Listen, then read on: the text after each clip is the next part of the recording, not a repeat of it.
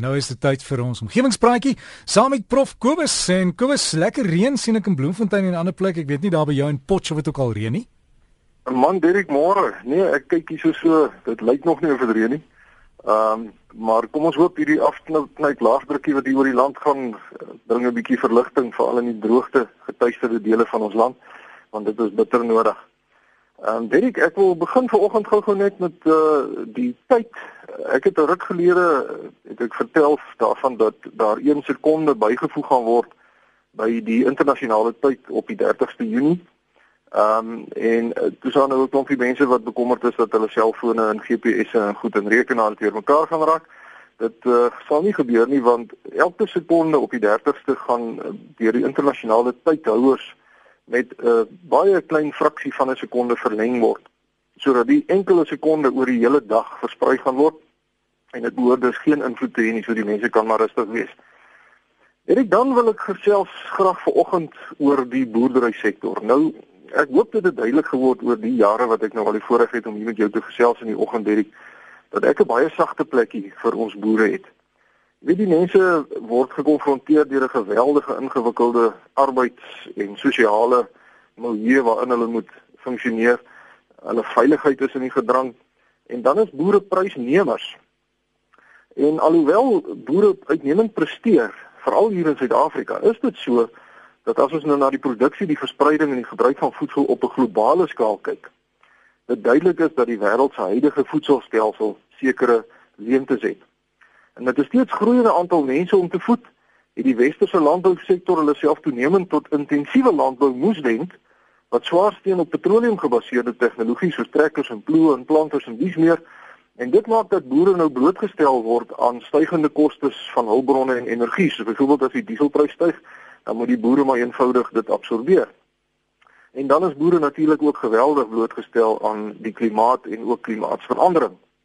En met betrekking tot die verspreiding van voedsel, is dit sodat Suid-Afrikaanse boere deesdae moet meeding nog bo op al hierdie ander uh, goed wat hulle moet hanteer op 'n globale skaal, omdat voedsel dikwels van oor die wêreld ingevoer word. Ek het byvoorbeeld gister die mooiste druiwe hier in een van die kettingwinkels in Potchefstroom gesien en toe ek op die pakkie kyk, toe sien ek dit goed kom uit Egipte uit.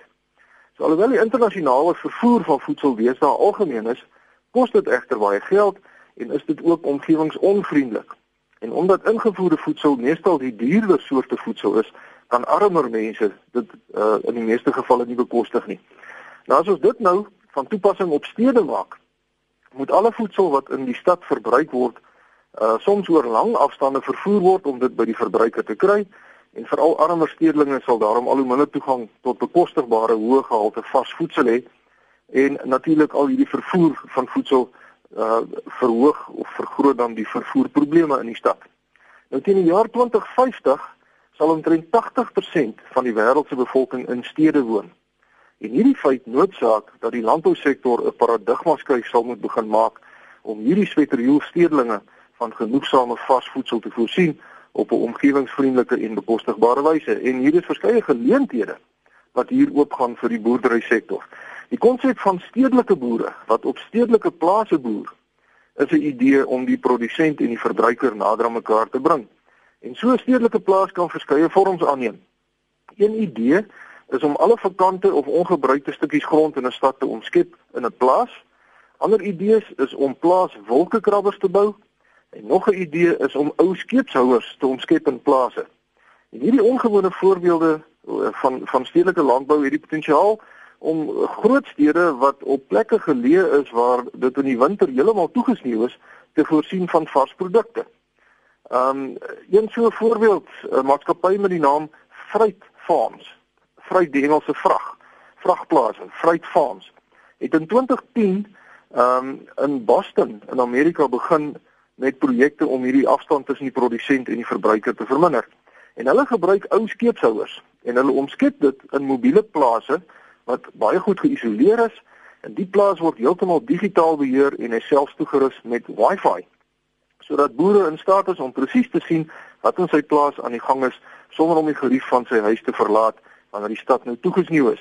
Hy kyk sommer op sy selfoon wat gaan aan in sy plaas.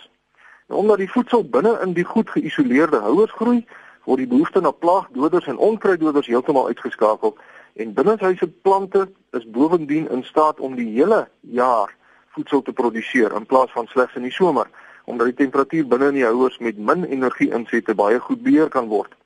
Water word optimaal gebruik en die produkte is van hoë gehalte. En daar is baie 'n baie oulike video wat hierdie konsep verduidelik. So mense wat belangstel, kyk gerus by www.fruitfarms, een woord, vragplase, fruitfarms.com. COM. Boere van die toekoms gaan verseker nie meer lyk en lewe soos boere van vandag nie. Hierdie maatskappy verkoop tans hierdie aangepaste skeepshouers aan stedelike boere vir 'n bedrag van omtrent 'n miljoen rand elk. Maar as mense gedagte hou dat jy met 'n enkele skeepshouer net soveel voedsel kan produseer as wat jy op 'n hektaar grond kan produseer, dan begin dit sin maak om hierdie tegnologie te ondersoek.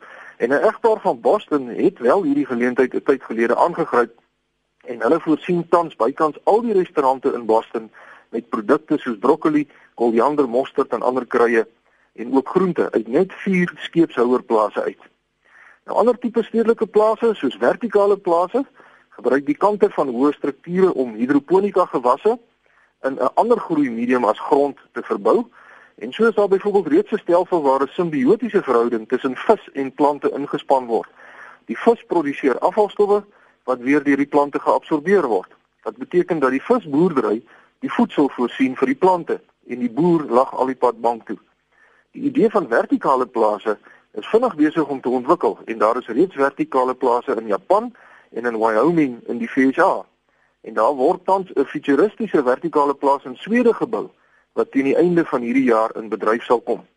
Nou in hierdie plaas wat die Plantagon, die Plantagon, P L A N T A G O N genoem word, word plante in houers geplant wat op spore gemonteer word. En 'n rekenaar verskuif die plante voortdurend in hierdie gebou om die bietjie son wat hulle nou in Swede het optimaal te gebruik. En hierdie verskuifbare uh, plante maak dit natuurlik ook maklik om te oes, want jy bly net op een plek staan en jy samel jou oes in soos wat die plante by jou verbykom op die vervoerbande. Nou hierdie Plantagon stedelike plaas sal na verwagting omtrent 500 ton voedsel per jaar in slegs 'n 400 vierkante meter ruimte kan produseer. En 400 vierkante meter is maar omtrent so groot soos 'n agste van 'n rugbyveld.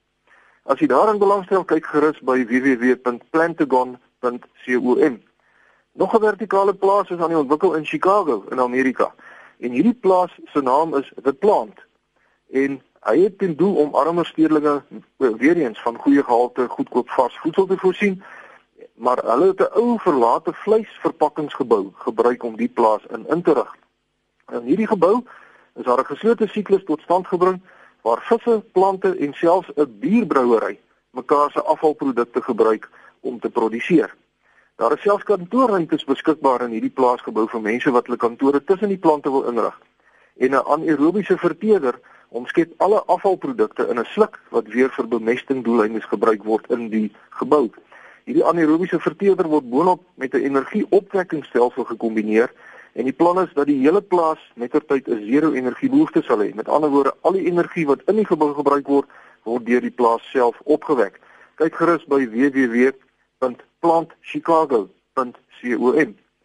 En dan weet ek op 'n kleiner skaal, het een familie in Arizona die swembad in hulle tuin omskep in 'n geslote siklus voedselproduksiestelsel. En hulle het sedertdien begin met 'n nuwe winsgewende organisasie om mense te leer hoe maklik volhoubare voedselproduksie kan wees. Hierdie sogenaamde garden pool kombineer sonkrag, 'n pluimveeboerdery en akwakultuur om 'n watervermorsende swembad te omskep in 'n voedseloase. Die konsep is eenvoudig en 'n gesin met 'n gemiddelde grootte swembad kan grootliks selfvoorsienend word deur hulle eie voedsel vir 365 dae van 'n jaar te produseer in hulle ou swembad. Nou as jy belangstel daarin, kyk gerus by www.gardenpool.org. Omgewingsvriende, ek is baie opgewonde oor die nuwe tegnologieë en nuwe maniere van dink wat oral kop uitsteek. En gegee wat die vraag of konvensionele landbou soos ons dit ken die vermoë het om die steeds groeiende en toenemende verstedelike uh, verstedelike wêreldbevolking op 'n volhoubare manier van voedsel te bly voorsien, is die ontwikkeling van stedelike plase opwindend, nie slegs vanuit 'n voedselsekuriteitsoogpunt nie, maar ook vanuit 'n volhoubaarheidsoogpunt. Natuurlik sal ons nooit heeltemal van die tradisionele boerdery boerdery kan ontslaa raak soos wat ons dit ken nie want jy kan nou nie mielies tonne en tonne mielies en en en veeteelt en so in 'n in 'n stad produseer nie maar wie sê miskien ontwikkel die tegnologie sodanig dat ons dit dalk wel kan doen met 'n tyd en ek dink dat dit veral in Suid-Afrika met ons unieke uitdagings ten opsigte van water energie en 'n ingewikkelde samelewingsproblematiek met groot vrug ondersoek kan word. En daarmee sluit ek af vir oggend. Derek, ek hoop om in hierdie week die Facebook bladsy op die been te, te te kry. Hy is reeds ontwikkel, maar ons wag net vir 'n laaste paar toestemmings voor ons nou die ding kan publiseer. Uh en hierdie wetwerwe behoort dan op die Facebook bladsy te wees en ek behoort dan as ek gespaar bly volgende week te kan berig daaroor. Skryf gerus vir my. E-posadres kobus.vanderwalt by nwu.ac.za of by die fakulteit Natuurwetenskappe Noordwes Universiteit Potchefstroom 2520. Vriendelike groete tot 'n volgende keer. Veel dankie Kobus, ons sien uit na die Facebook bladsy as reg is laat weet en ons sal vir almal sê. Dit was Kobus van der Walt met ons omgewingspraatjie, professor daar by Noordwes Universiteit. Sy e-pos is kobus met 'n k, kobus.vanderwalt by nwu.ac.za.